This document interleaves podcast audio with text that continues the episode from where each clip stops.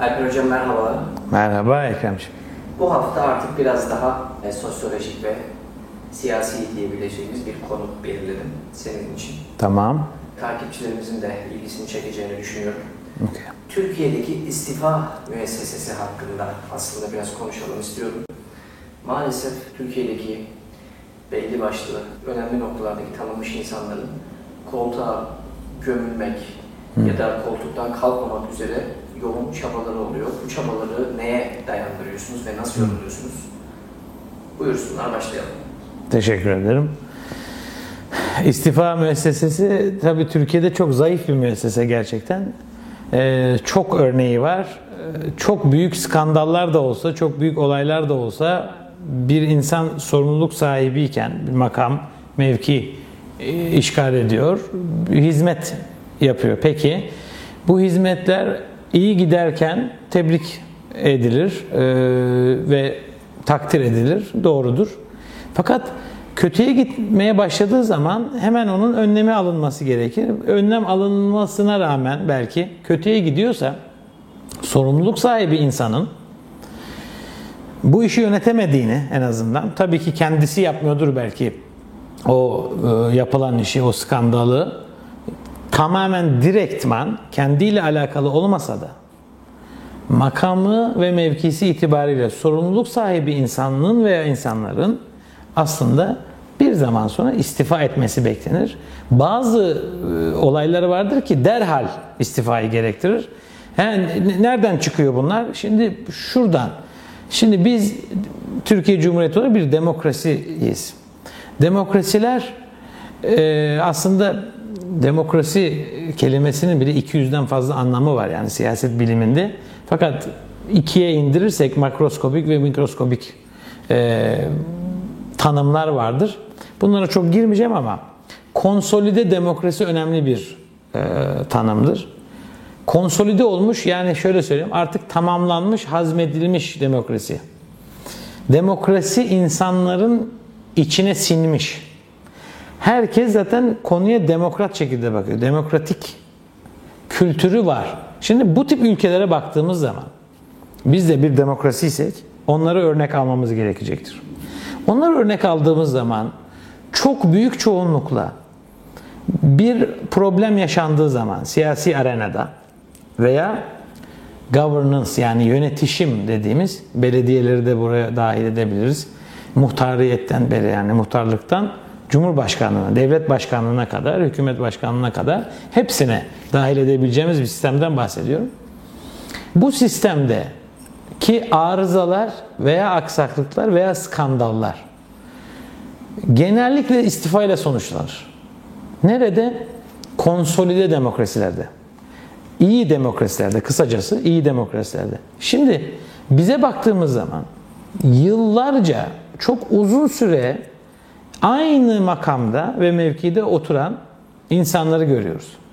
Bu insanların başına ne gelirse gelsin yine aynı yerde durduklarını hatta bazen hiç oralı olmadıklarını yani mesela bana göre ben konuşuyorum şimdi kendim için söyleyeyim. Mesela izliyoruz televizyonda internette bir şey. Bana göre skandal tamam mı? Çok büyük bir olay.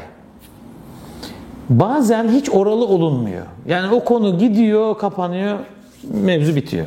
Halbuki onun sorumlusunun gerçekten derhal istifa etmesi, hatta özür dileyerek, çok özür dileyerek istifa etmesi gerekiyordu bana göre. Ve çoğu insana göre de böyle olduğunu da biliyorum. Fakat hiç çok nadir yani. Hiç dersem de ayıp olacak ama hiçe yakın kimse istifa etmiyor. Halbuki istifa etmek çok onurlu bir şeydir.